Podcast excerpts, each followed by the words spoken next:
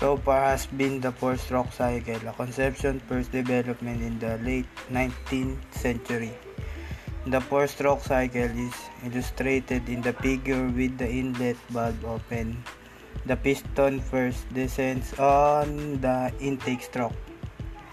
An inedible mixture of gasoline vapor and air is drawn into the cylinder.